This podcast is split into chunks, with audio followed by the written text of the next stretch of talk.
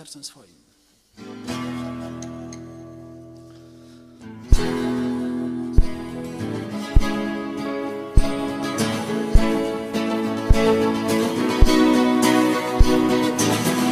Gdzieś Boga cały, sercem swoim napisz Niego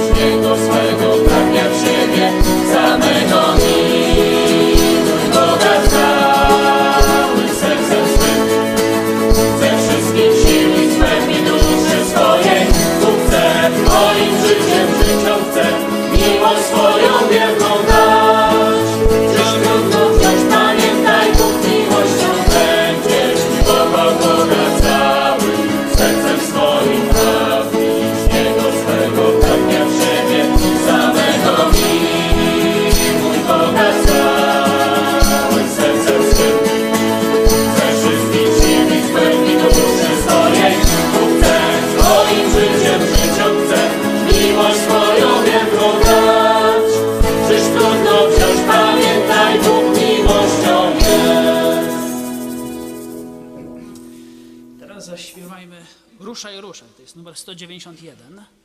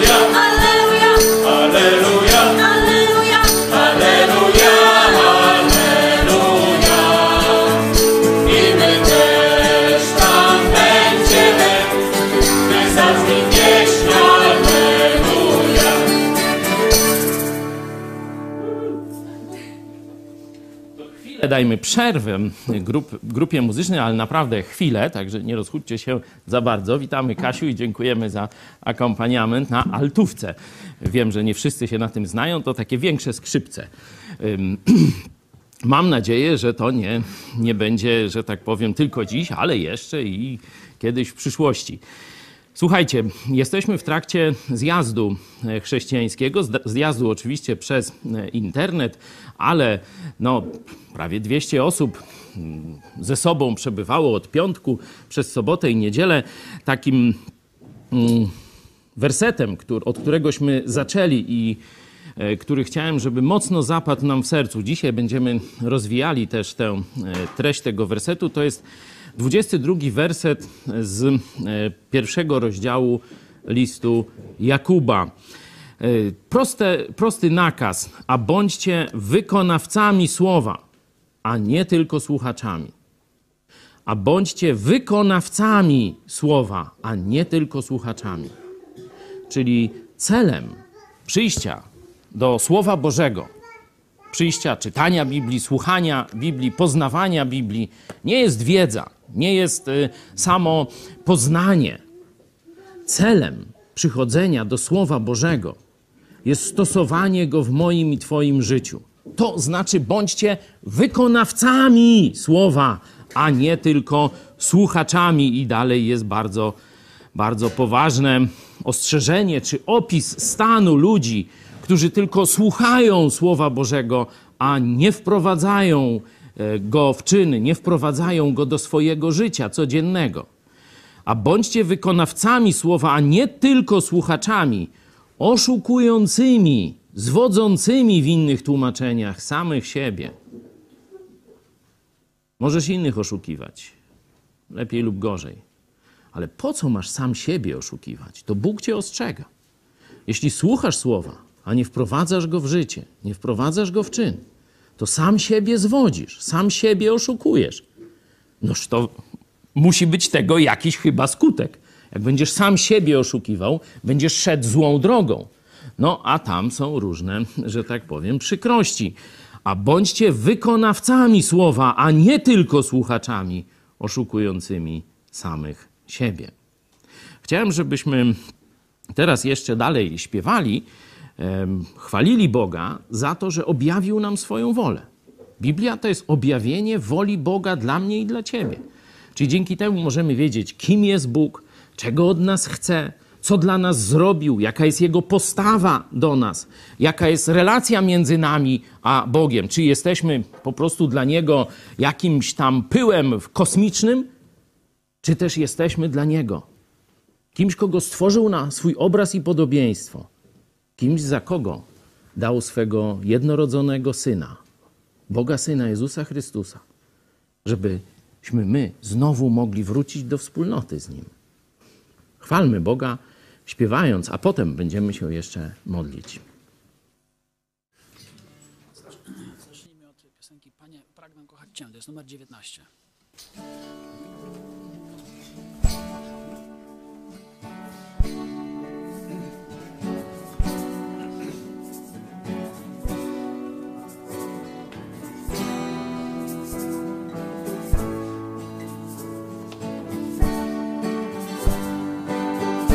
Panie, pragnę kochać Cię, Panie, pragnę kochać Cię, coraz mocniej z dnia na dzień. coraz mocniej z dnia na dzień.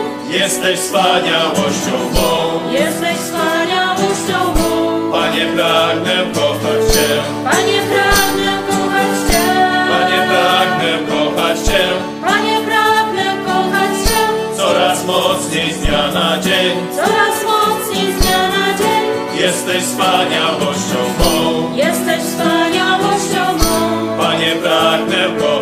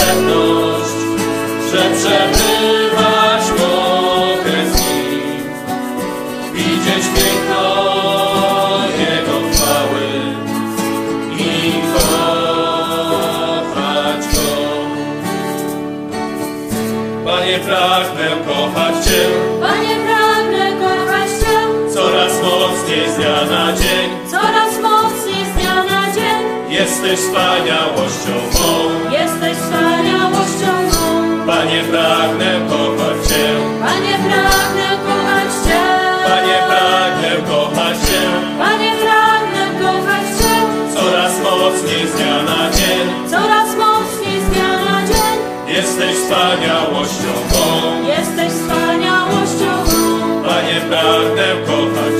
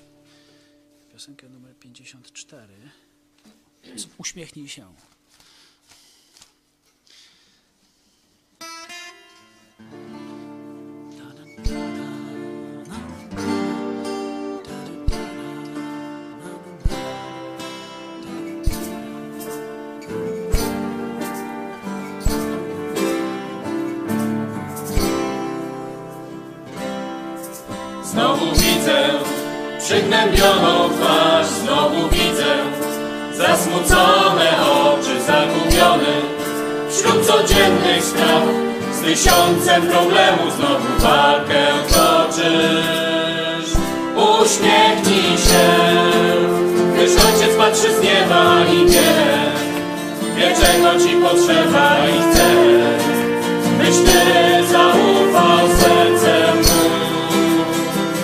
Już nie martw się, On z tobą jest na zawsze i kocha cię. I winy ci przebaczył, nie lękaj się. Cóż ci może się stać, gdy Boga za Ojca masz? Czegoś chciałeś ze wszystkich sił, tyle planów powiązałeś z tym, aż tu nagle mówisz straszny pech. Wszystko inaczej potoczyło się.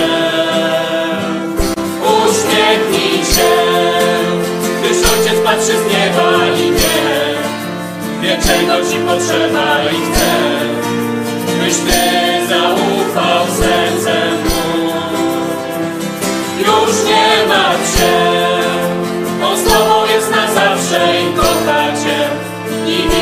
przebaczył, nie lękaj się. Cóż ci może się stać, gdy Boga za Ojca masz? Tyle pragniesz, tak byś wiele chciał, goni szczęście, co ci wciąż ucieka, krzyż codzienny. Chciałbyś rzucić sam, złości się, a Bóg na ciebie czeka. Patrzy z nieba i wie, wie czego ci potrzeba i chce, byś ty zaufał sercem mu. Już nie martw się, on z tobą jest na zawsze i kocha cię i winy ci przebaczył, nie lękaj się. Cóż ci może się stać, ty Boga za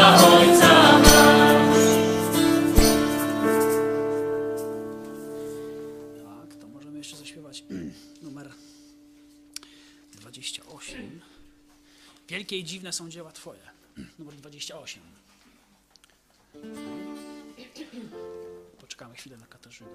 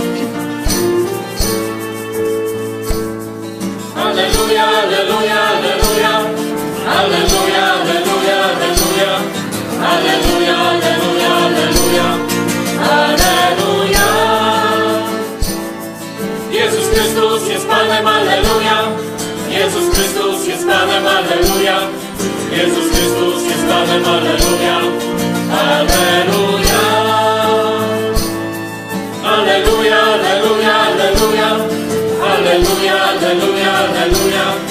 Alleluja, alleluja, alleluja. Alleluja. Śpiewaj ziemio mu cała, alleluja. Śpiewaj ziemio mu cała, alleluja. Śpiewaj ziemio mu cała. Alleluja. Alleluja, alleluja, alleluja.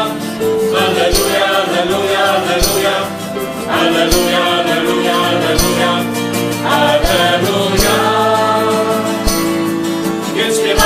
radosna, aleluja. Więc śpiewajmy Ci radosna, aleluja. Więc śpiewajmy Ci radosna, aleluja. Aleluja. Aleluja, aleluja, aleluja. Aleluja, aleluja, aleluja. Aleluja, aleluja, aleluja. Aleluja. Jezus Chrystus zmartwychwstał, aleluja.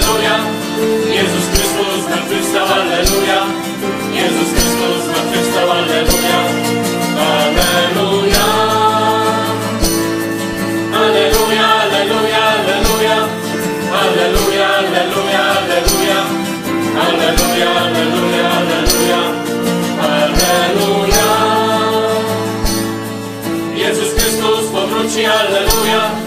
Jezus Chrystus powróci, Alleluja. Jezus Chrystus powróci, Alleluja. Alleluja. Alleluja, Alleluja, Alleluja. Alleluja, Alleluja, Alleluja. Alleluja, Alleluja, Alleluja.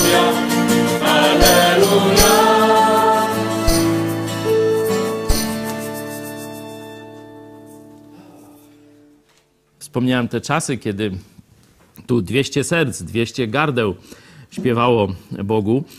E, To rzeczywiście było nieco inne przeżycie. Jakoś się staramy, nasza grupa muzyczna, chór, jeszcze Kasia e, do nas dołączyła. E, Ale wiemy, że śpiewacie razem z nami, także chyba jest więcej osób niż 200, które dzisiaj śpiewa razem na chwałę Bogu i mam nadzieję, że to się w piękną harmonię zbiera i rzeczywiście, nie tak jak jakieś tam światełka, to rzeczywiście dociera przed tron Boga, ponieważ Jezus Chrystus otworzył naszą drogę.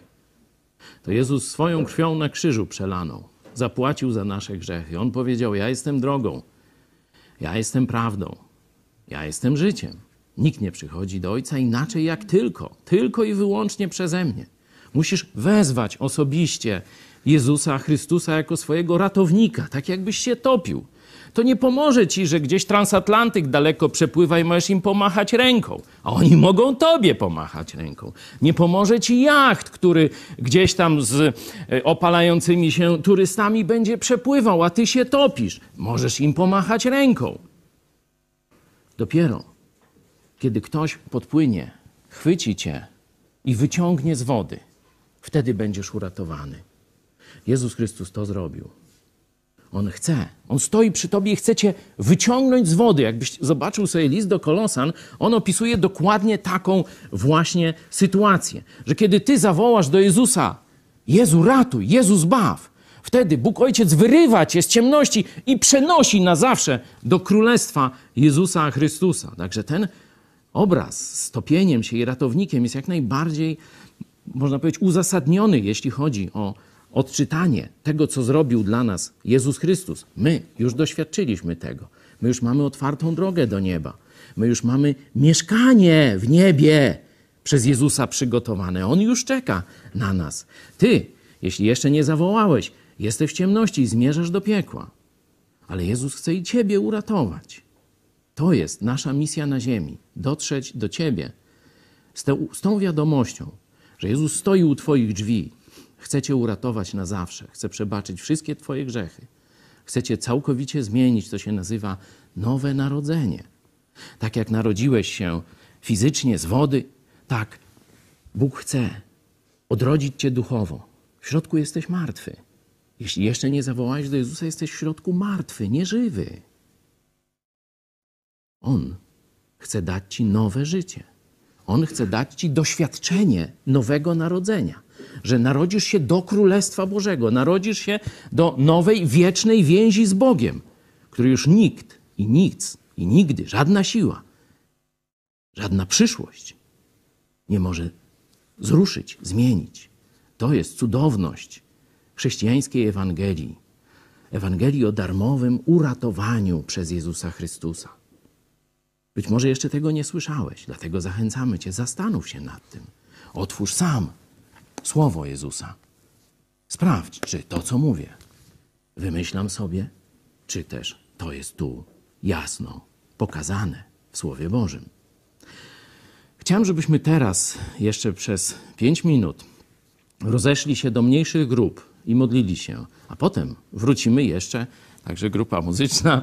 Zapraszamy też Was za 5 minut. Dzisiaj mamy święto śpiewu. Wczoraj nie daliśmy rady wieczorem pośpiewać. Była narada robocza, praktycznie prawie że chyba do 11. Trwała właśnie na temat ewangelizacji Polski, tego co się zmienia, jak my musimy się zmieniać, żeby cały czas być, można powiedzieć, na bieżąco z docieraniem do naszego świata, do kultury, w której jesteśmy. A dzisiaj chciałem, żebyśmy właśnie mieli święto śpiewu, wielbienia Boga śpiewem i modlitwą. Także teraz e, zbierzmy się w takie siedmioosobowe, e, niewielkie grupy. Módlmy się, dziękując Bogu za przywilej życia w Kościele, za nowe narodzenie, za to, że należymy na zawsze do Jezusa Chrystusa i że mamy tak wspaniałą, niepowtarzalną, niezwykłą, od samego Boga zleconą misję docierania z ratunkiem do zgubionego świata. Za pięć minut spotykamy się znowu.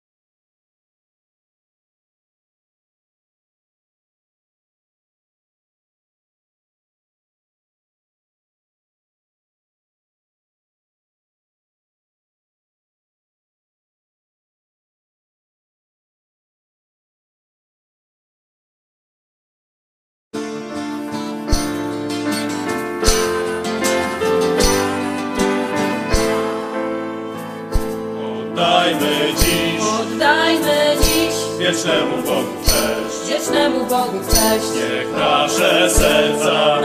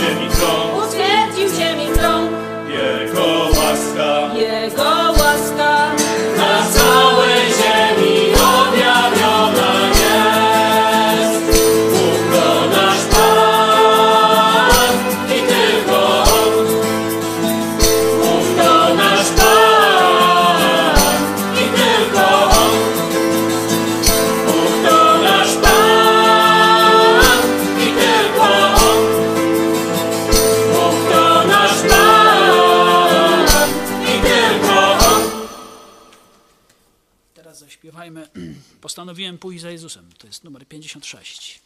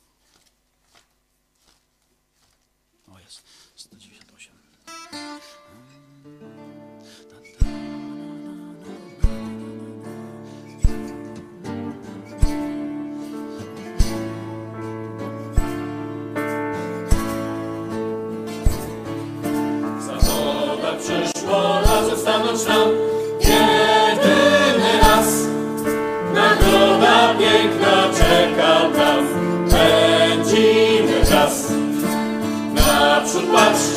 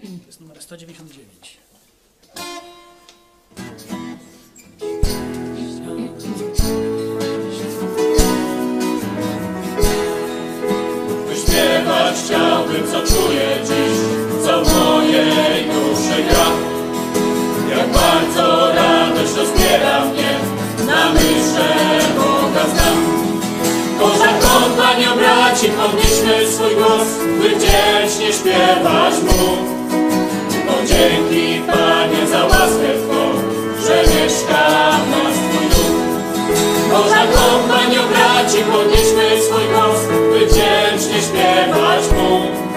Bo dzięki Panie za łaskę Twą, że mieszka w nas Twój duch. Dookoła popatrz na braci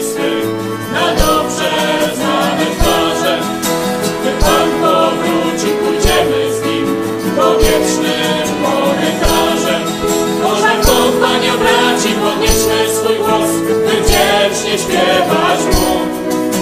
O dzięki Panie za łaskę Twą, że mieszka w nas Twój duch. Boża kompanio braci, podnieśmy swój głos, by wdzięcznie śpiewać Mu. O dzięki Panie za łaskę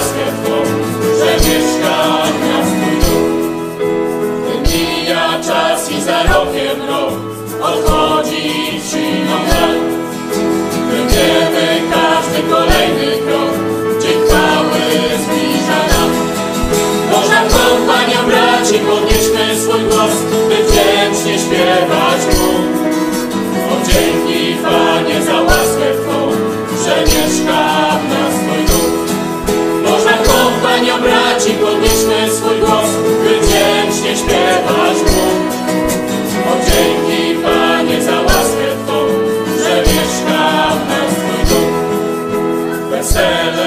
blisko i przyjdzie czas, gdy zasiądziemy z Panem. Więc wielka radość rozbiera nas, bo zaproszenia mamy. Boża kompanio braci, podnieśmy swój głos, by wdzięcznie śpiewać Mu. O dzięki Panie za łaskę Twą, że mieszka w nas Twój duch. Boża kompanio braci, podnieśmy swój głos, by wdzięcznie śpiewać Mu.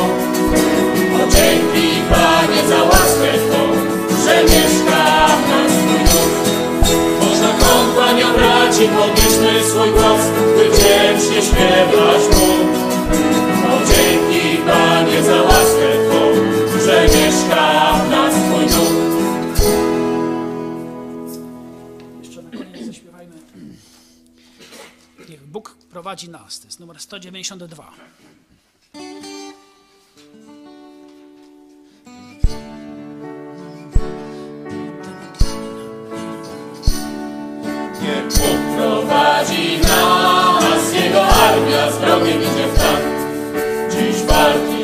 nadszedł czas, zwycięstwa są pisane nam. Do dzisiaj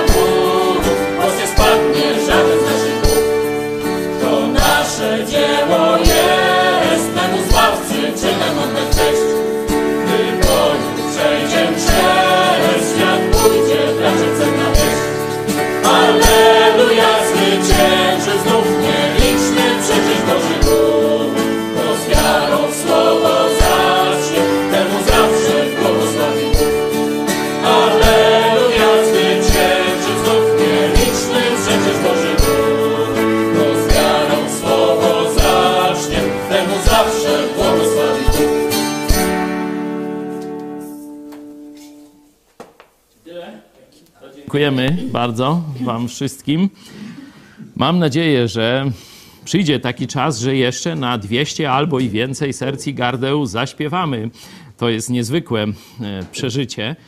E, Co innego jest śpiew samemu, co innego śpiew w jakiejś małej, kilkunasto, dwudziestoosobowej grupie, a co innego jest śpiew rzeczywiście całej kompanii, batalionu uczniów Jezusa Chrystusa. To jest doświadczenie rzadkie, szczególnie w Polsce.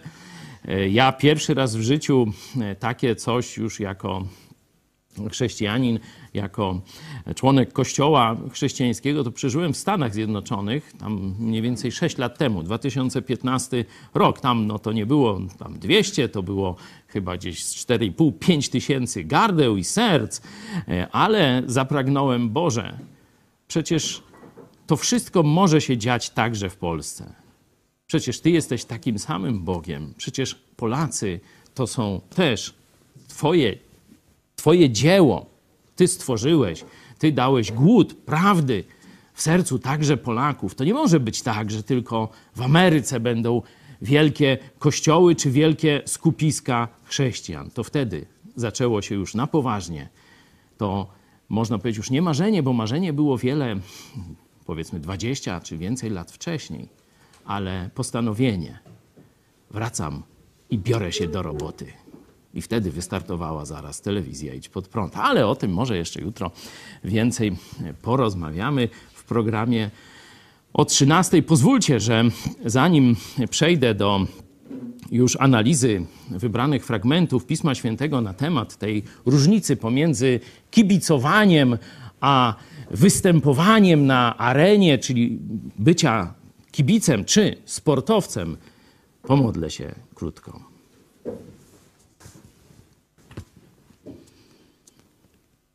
Kochany nasz Panie, prosimy Cię, abyś szczególnie dotknął serc każdego z nas, żebyśmy zobaczyli w świetle Twojego słowa, co powinniśmy zmienić, gdzie powinniśmy czy wyjść ze swoich przyzwyczajeń, czy tak zwanej strefy bezpieczeństwa, co powinniśmy zrobić, żeby rzeczywiście stanąć w pierwszym szeregu, tam gdzie odbywa się Twoja walka o Polskę, o zbawienie, o Twoją prawdę, żeby nie zabrakło żadnego z nas tam, gdzie jest nasze miejsce. Prosimy Cię w imieniu Jezusa. Amen.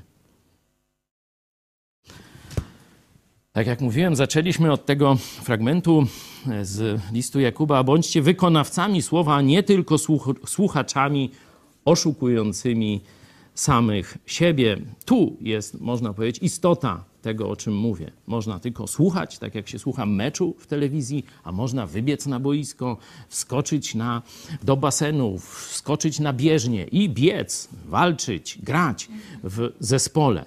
Gdybyście chcieli zobaczyć list do Galacjan w takim, można powiedzieć, właściwym znaczeniu takiego wersetu, który bardzo wielu chrześcijan zna. Jeśli według ducha żyjemy, według ducha też postępujmy. Nie? Tak znacie na pamięć? Chyba większość polskich tłumaczeń tak to oddaje, chociaż no wszystkich nie sprawdzałem. Możecie sobie to sami zrobić, wykonać tę pracę. Wszyscy rozumieją ten werset tak jak, no, tak jak zapamiętali, że jeśli mamy Ducha Świętego, no to ma się zmienić nasze moralne postępowanie. Mamy żyć w sposób święty. Nie? To jest takie, można powiedzieć, utarte znaczenie tego wersetu. Ale jakby słuchał to Grek, czy człowiek znający tę Grekę ulicy, Grekę wojsk, Grekę prostych ludzi, mniej więcej 2000 lat temu, to by całkiem inaczej to zrozumiał. Bardziej precyzyjnie. Bo tu nakaz jest, czy obraz bardziej. Jeśli według ducha, czyli pod, podle ducha, czy, czy duchem żyjemy, to stańmy w jednym szeregu. Albo raczej dokładnie, poruszajmy się w wojskowym szerszyku. Takie tutaj jest użyte sformułowanie, taki idiom, jak właśnie z rzymskiego wojska, że jest rozkaz, to cała armia wykonuje krok naprzód. Jest rozkaz, tarczę na głowę, to ta, cała armia wykonuje tarczę na głowę i tak dalej, że Duch Święty zarządza prawdziwymi chrześcijanami i oni stoją w szeregu i wykonują Jego rozkazy na pierwszej linii frontu. To jest obraz duchowego chrześcijaństwa. Nie mówienie językami, nie prorokowanie, nie nawet śpiewanie czy, czy jakieś inne zachwyty nad Bogiem. To, czy rzeczywiście słuchasz Ducha Świętego, sprawdzi się w tym, czy staniesz w Jego armii w jednym szeregu, a nie będziesz sobie piłkę kopał o ścianę, czy, że tak powiem, ćwiczył w tenisa na ściance sam. To jest sprawdzian Twojej duchowości, czy stoisz w szeregu, albo inaczej, czy jesteś w ciele, tam gdzie Twoje miejsce. To jest prawdziwa duchowość chrześcijańska. Duch Święty został nam dany, abyśmy wypełnili misję Bożą na ziemi, a nie byśmy przeżycia mieli czy zachwyty nad cudownymi rzeczami. To może być jako dodatek, ale cel Ducha Świętego, posłania, to jest zrealizowanie misji, to jest zbudowanie ciała Chrystusa, żeby każdy z nas zajął swoje miejsce w Bożej armii, w Bożym ciele, w Bożej rodzinie, w kościele. Wiele jest podobnych określeń. Jeśli to do ciebie nie dociera, to jesteś głuchy na podstawowe przesłanie Ducha Świętego. Warto, żebyś sobie z tego wreszcie zdał sprawę i ruszył dubsko z kanapy. Odstawił piwo. Tu mam akurat kanapę przed sobą. Dwóch jego mości już od razu się bardzo poruszyło. Nie?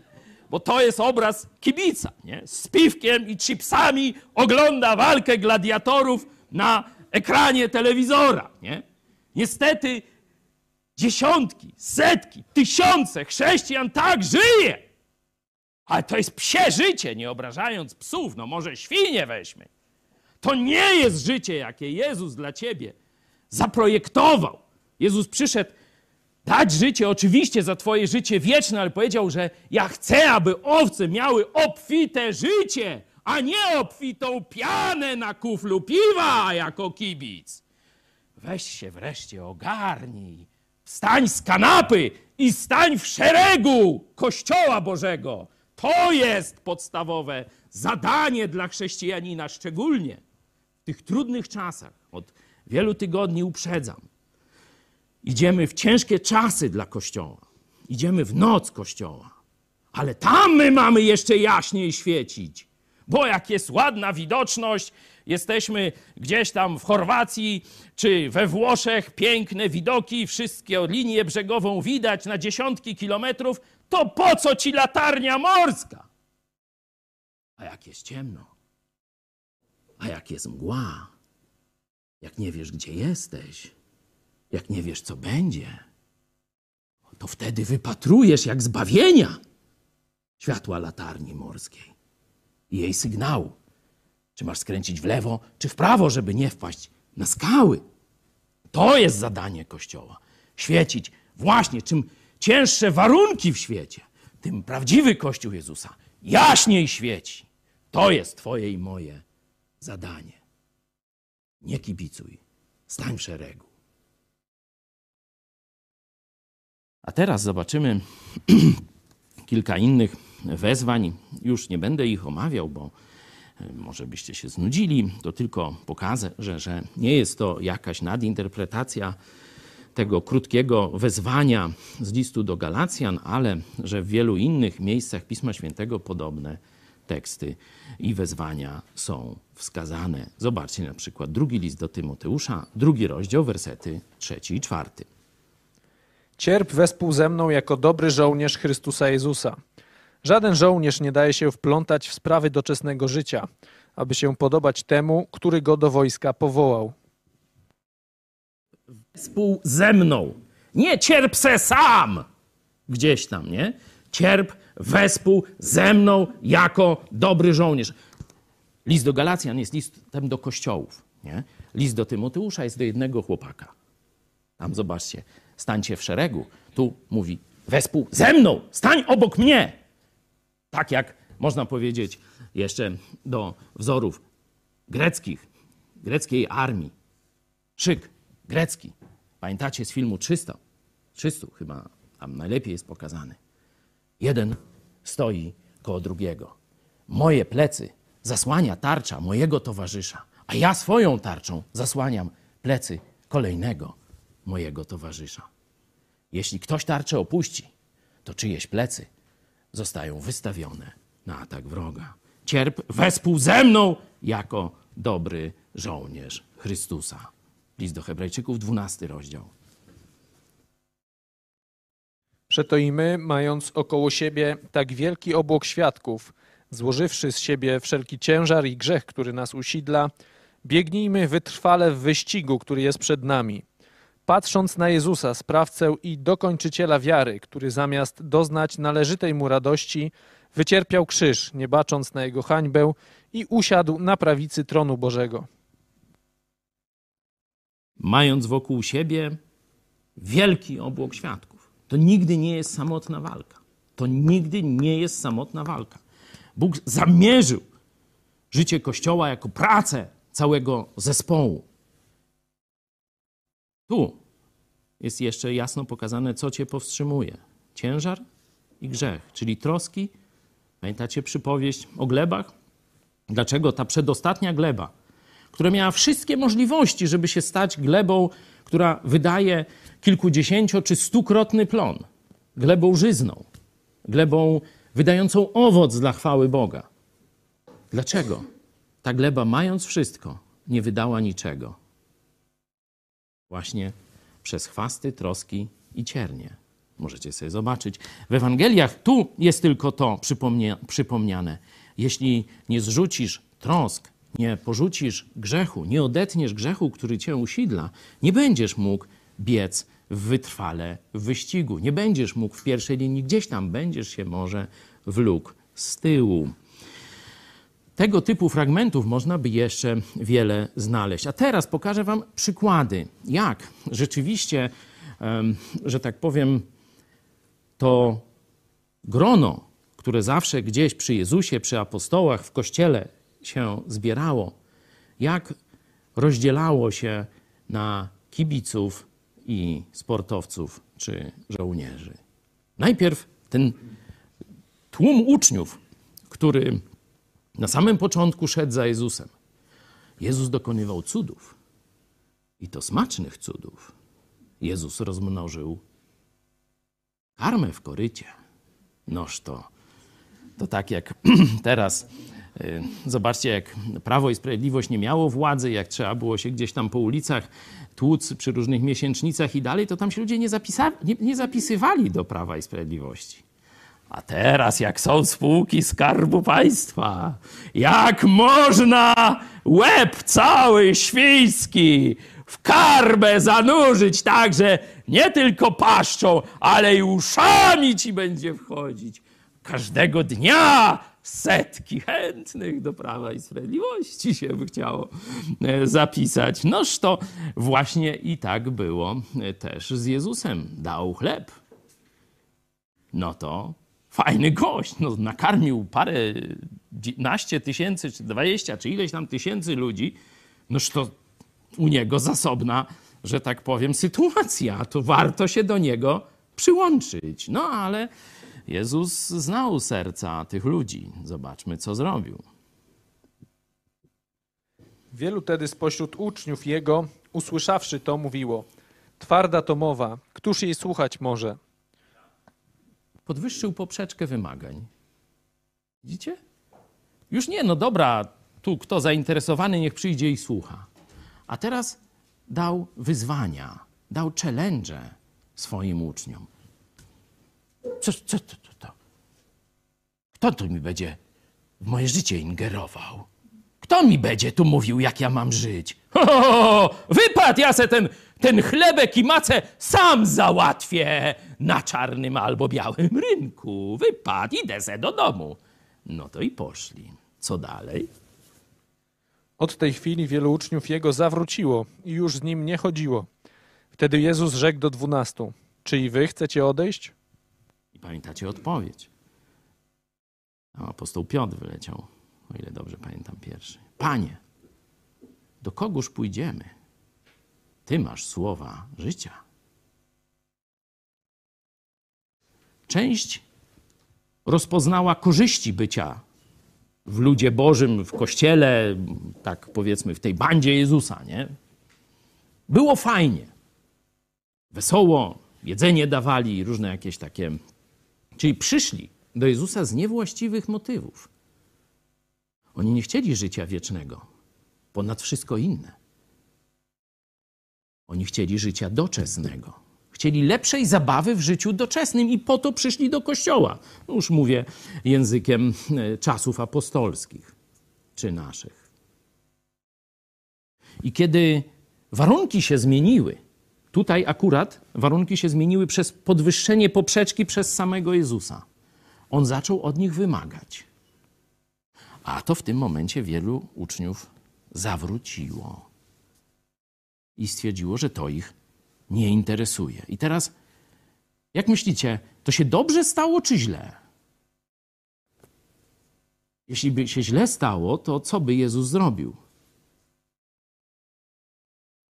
Wyleciałby za nim, hej, poczekajcie, nie, nie odchódźcie, kochani, cofam to wszystko, już będzie, co chcecie jeszcze? Może kremówki wam dodam do tego chleba i rybek, żebyście tylko zostali.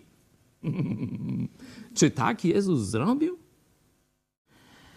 Część została, to on jeszcze do nich poszedł, ale nie z kremówkami, tylko z pytaniem, no to jak będzie z wami? W te albo we w te. Kibicujesz? Czy wchodzisz na boisko i grasz z nami? Czyli wy chcecie odejść? Także odejście tych, którzy przyszli do kościoła z niewłaściwych powodów, jest ulgą dla kościoła. Jest takie stare przysłowie o babie, o koniu i o wozie. Ale to już sobie w Wikipedii odszukajcie, mówię do młodych widzów, a starzy to wiedzą, o czym mówię. Kolejna sytuacja, już teraz w czasach apostolskich, przenosimy się do 15 rozdziału dziejów. A po kilku dniach rzekł Paweł do Barnaby: Wybierzmy się w drogę i odwiedźmy braci we wszystkich miastach, w których zwiastowaliśmy słowo Pańskie, aby zobaczyć, jak im się powodzi.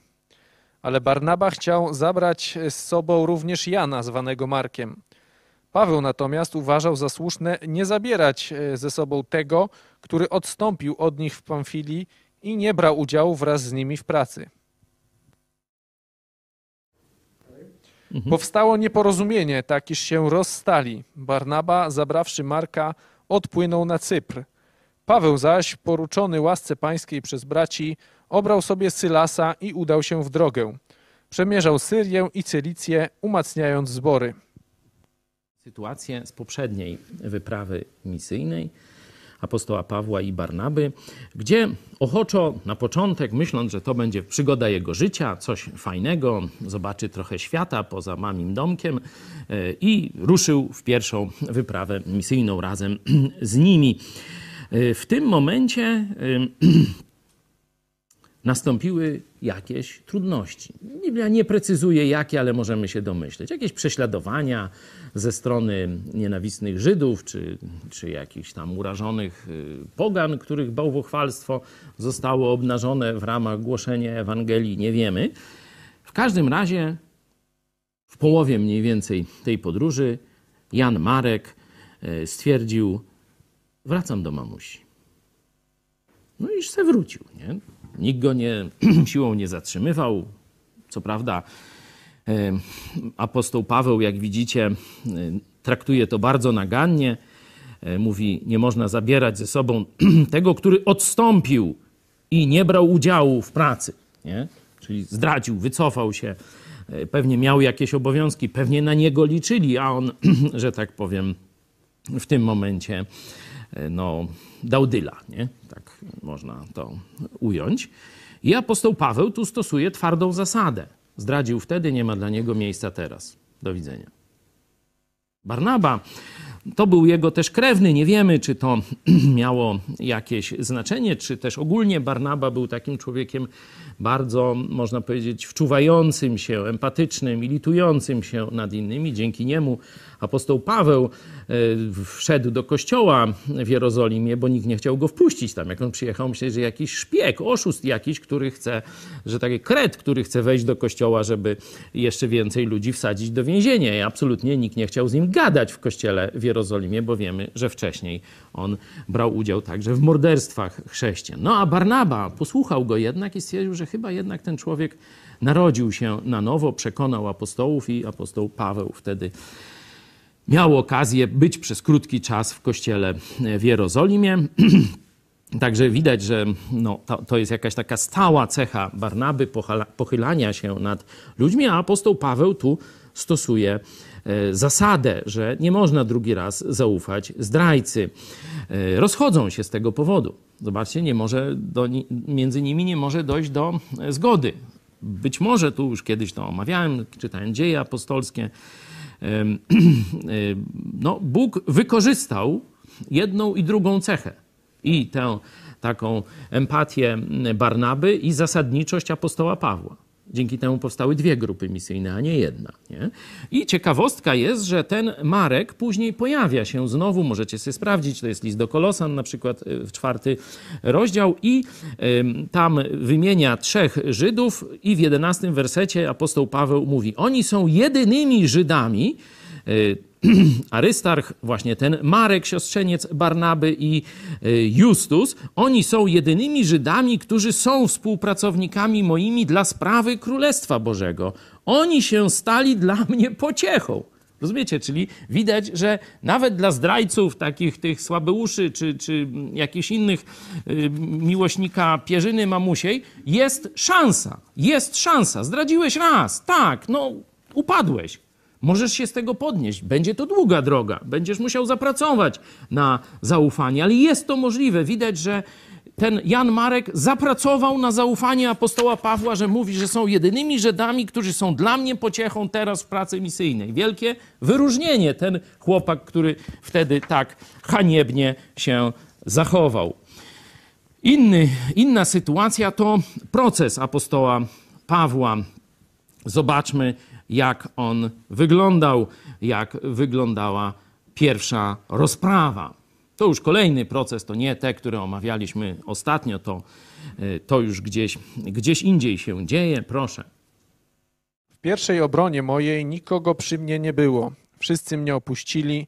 Niech im to nie będzie policzone.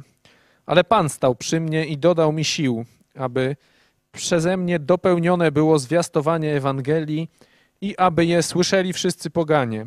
I zostałem wyrwany z paszczy lwiej. Było gorąco. Tu stawką była śmierć. Tu wiadomo było, że prawdopodobnie wyrok tego sądu to będzie Pawła i jego współpracowników rzucić na pożarcie lwom.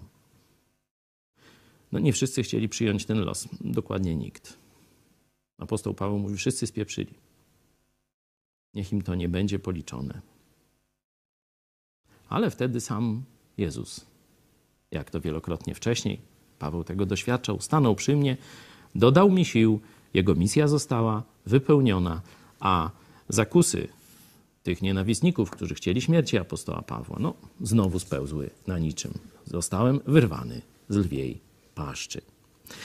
W liście do Hebrajczyków, tu autorstwo jest nieznane, ale część badaczy y, Biblii mm, skłania się do tego, że jest to apostoł Paweł. Ja również się do tego e, skłaniam.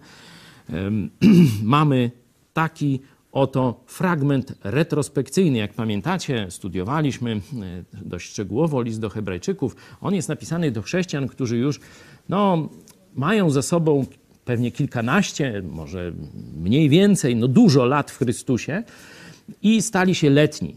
Przeszli z, właśnie z areny, z, z bycia sportowcami, stali się kibicami i zaczęli, można powiedzieć, tylko pozorować życie chrześcijańskie. No i autor tam ich próbuje zdopingować, żeby znowu stanęli do walki na arenie dla Jezusa Chrystusa. I wspomina im początek ich życia, pierwsze lata czy miesiące nawet ich życia chrześcijańskiego. Zobaczcie, jak wtedy chwali ich pierwsze kroki za Jezusem. Przypomnijcie sobie dni poprzednie, kiedy po swym oświeceniu wytrwaliście w licznych zmaganiach z utrapieniami. Czy to, gdy byliście wystawieni publicznie na zniewagi i udręki, czy też gdy wiernie staliście przy tych, z którymi się tak obchodzono. Cierpieliście bowiem wespół z więźniami i przyjęliście z radością grabież waszego mienia, wiedząc, że sami posiadacie majętność lepszą i trwałą. Nie porzucajcie więc ufności waszej, która ma wielką zapłatę. Amen. Zobaczcie, że to jest tuż po Nowym Narodzeniu, mówi, kiedy po swoim oświeceniu od razu na nich spadły jakieś ciężkie prześladowania. Były to, można powiedzieć, dwa, dwa rodzaje doświadczenia. Pierwszy, gdzie bezpośrednio oni wraz z innymi chrześcijanami od razu byli obiektem jakichś zniewag, prześladowań czy, czy innych no, brzydkich rzeczy. Hejtu to dzisiaj się nazywa. Ale był i drugi rodzaj.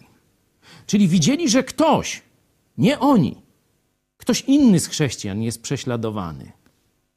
I oni mogli odwrócić wzrok albo tylko z dala przyglądać się, jak apostołowie, który, którzy pamiętacie, uciekli spod krzyża. Przyglądać się, co będzie dalej. Nie wziąć udziału w akcji, być tylko biernymi obserwatorami, niczego nie ryzykującymi. Być kibicami. Ale co wybrali? Wiernie staliście przy tych, z którymi się tak obchodzono. I zapłaciliście cenę za to stanie. Przyjęliście nawet z radością tę cenę, chociaż ona była wielka. Zobaczcie, grabież waszego mienia. Prześladowania, jakieś obelgi, być może tortury, biczowania i grabież mienia. A oni, choć nie musieli, przyjmują to na siebie wraz z innymi chrześcijanami. Pytanie powstaje: dlaczego? Dlaczego to zrobili? I to jeszcze z radością, zobaczcie. I to jeszcze z radością, że mają przywilej stać przy tych, którzy są prześladowani. Wiedząc, zobaczcie, nie nawet mając nadzieję, nie? Nie mając nadziei, tylko wiedząc, że sami posiadają majętność lepszą, czyli to jest pierwsza cecha, że tu mamy jakieś fajne rzeczy, nie? Staw właściwe, samochody, mieszkania, nie wiem, brylanty może ktoś ma i se patrzy, jak tam się odbija tęcza, czy jak, nie? Chociaż uważajcie, bo tam ABW może was, czy, czy antyterroryści, żeby nie wpadli, bo jak to, ach, to już nie będę nawet myślał, bo to jest zbrodnia, tak zwana zbrodniomyśl jest teraz. Patrzyli na tą swoją majętność i widzieli, że ta w niebie jest po pierwsze lepsza, a po drugie trwała. Bo tu, owszem, jest mól, rdza, różne tam przypadłości, ale jest jeszcze coś gorszego. No powiedzmy, masz super jakiś samochód. To dość popularne dzisiaj, nie? Jakaś taka forma przywiązania. Mężczyzna kupuje samochód i staje się z nim jednym ciałem. Nie? No ale jak ty umrzesz, to czyj będzie twój samochód? Już na pewno nie twój. Już na pewno nie twój. Czyli zobaczcie, nie tylko problem e, pewnej nietrwałości dóbr tego świata, ale jeszcze problem, że nie można ich zabrać ze sobą. Śmierć kończy używanie, czyli możesz wiele pracy włożyć, możesz wiele pieniędzy, możesz zdrowiem zapłacić za te materialne dobra, możesz swoją rodziną zapłacić, nie? możesz odwróceniem się od Boga zapłacić, a poużywasz tej rzeczy przez 10, może 50 najwyżej lat. A może tylko pół roku? A może dwa tygodnie? No skąd wiesz? Skąd? Nie wiemy. Skierowali oczy gdzie indziej, wiedząc, że posiadają majętność lepszą i trwałą. Czyli to, że nie byli kibicami, a stanęli właśnie do walki razem z tymi, którzy są na głównym stadionie,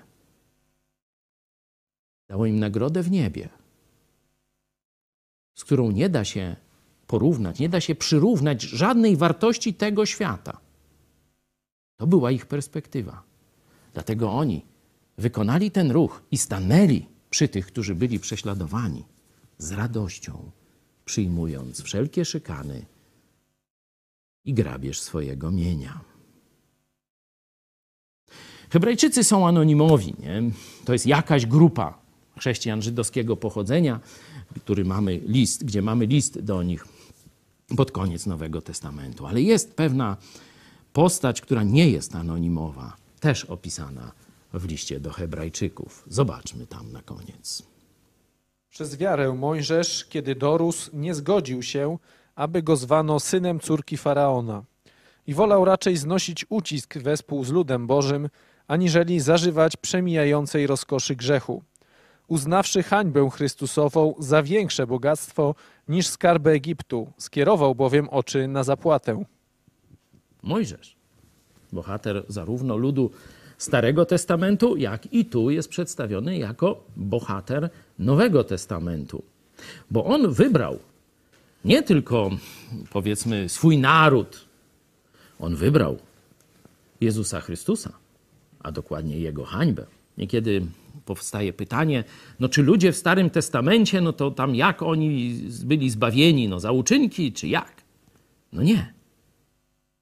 Właśnie zasługi Chrystusa na krzyżu Golgoty zostały zastosowane do nich, można powiedzieć wcześniej, zanim to się stało, bo Bóg jest ponad czasem.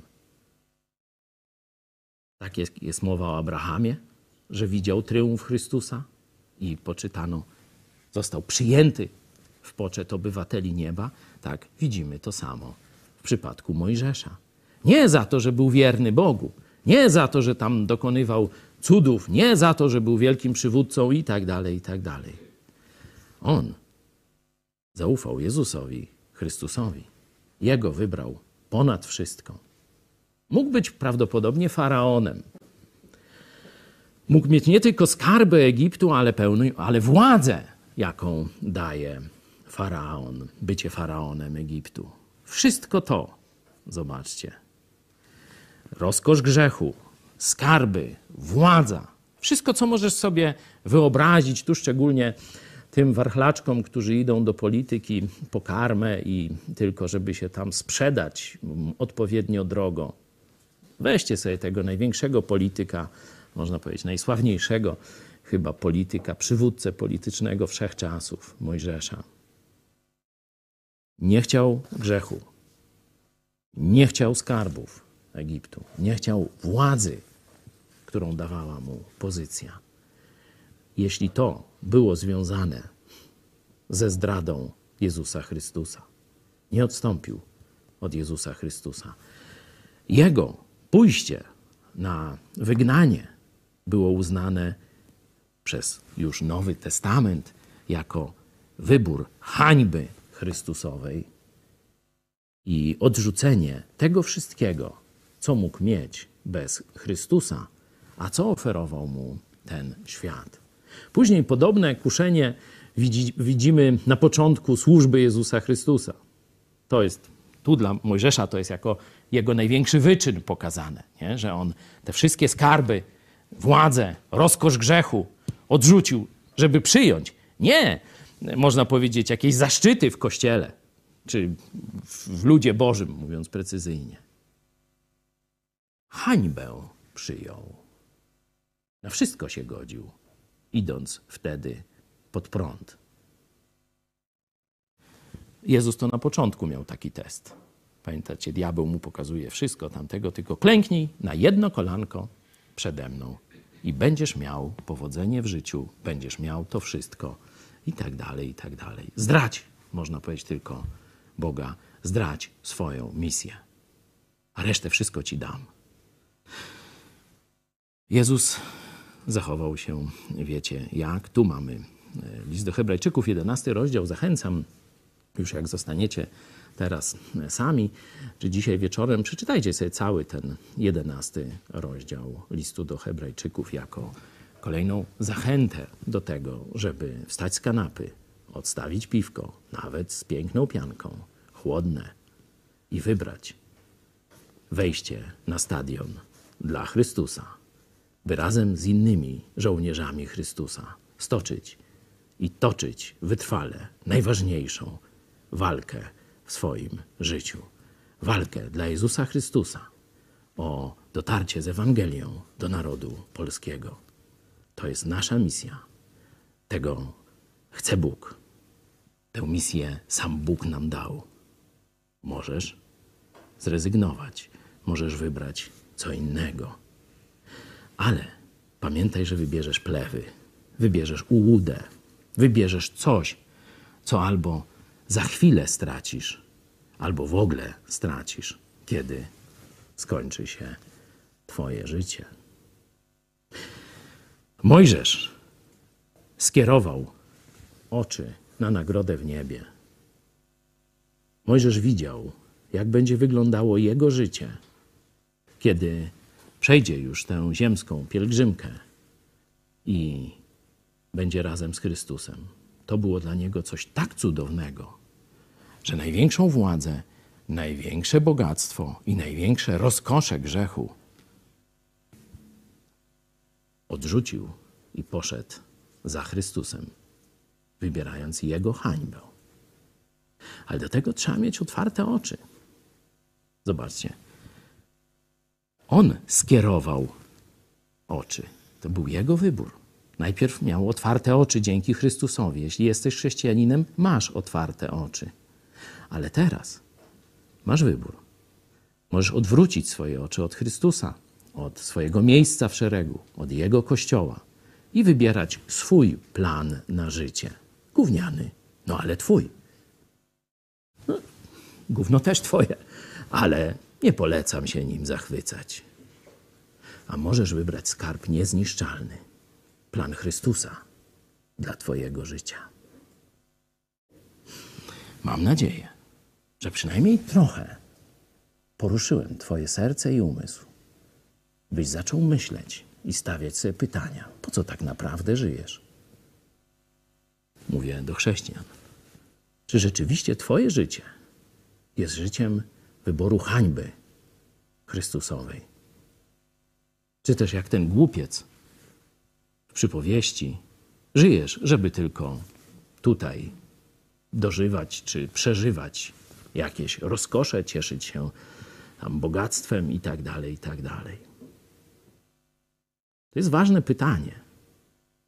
Oczywiście Bóg nie jest przeciwko bogactwu, nie jest przeciwko używaniu, dobremu używaniu tego, co nam dał, nie jest przeciwko rozkoszom czy przyjemnościom. Biblia opisuje to bardzo jasno.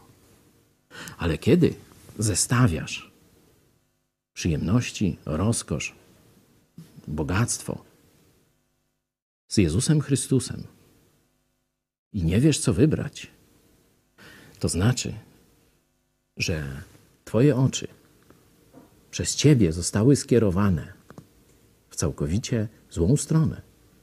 Ty nie patrzysz w sposób prawdziwy na otaczającą Cię rzeczywistość. Patrzysz w sposób skrzywiony. Patrzysz jak ślepiec, chociaż masz oczy. Ale skieruj je we właściwą stronę. Pomyśl, gdzie przeżyjesz największą część swojego życia. Daj sobie maks, ile tam możesz, to niech tam będzie z 50, że jeszcze pożyjesz. Nie?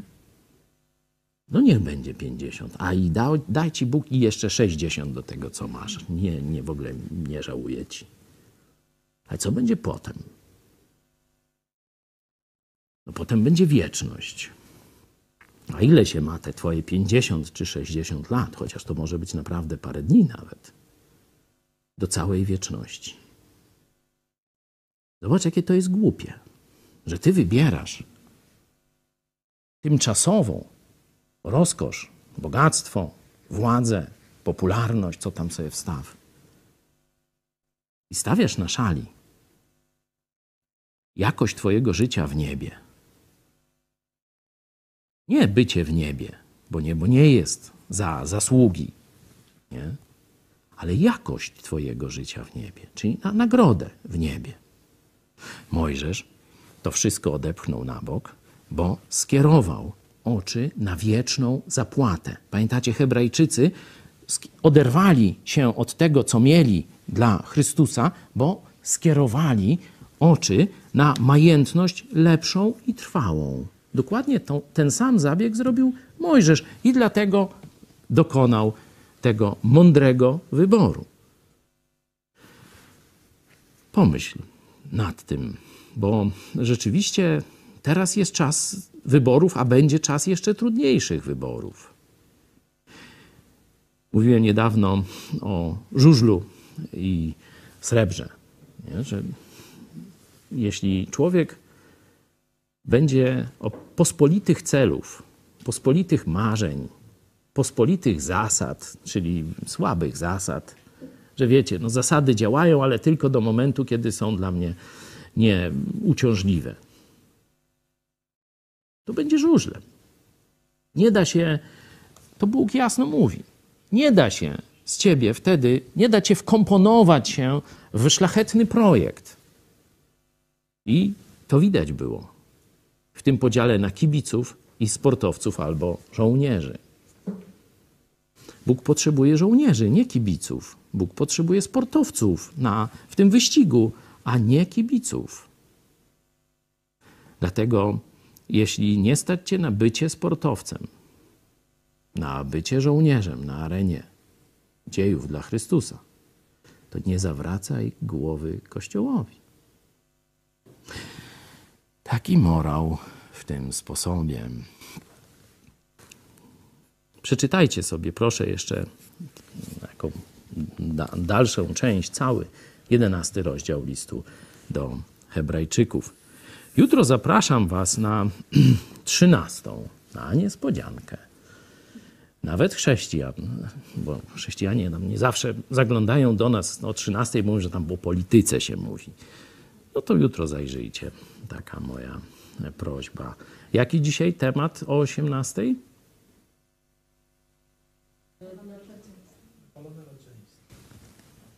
Wypalone rodzicielstwo, czyli dla tych, którzy już mają dosyć ze swoimi słodkimi sweet, sweeciami, swoimi słodkimi pociechami. Ja jeszcze Wam podziękuję za akcję sprzed tygodnia. To był finisz, jeśli chodzi o wsparcie naszego projektu medialnego przede wszystkim, czyli telewizji Idź Pod Prąd. Brakowało jeszcze kilka osób, żeby te tysiąc gitar znowu zagrało. W trakcie spotkania, już praktycznie jak się z wami żegnałem, ale informacja do mnie dotarła już po, właśnie ten tysiąc pękł. Także dzięki każdemu z was, który się do tej akcji dołączył. Chwała Bogu. A teraz pozostawiam was już listowi do Hebrajczyków, jedenasty rozdział. Do zobaczenia.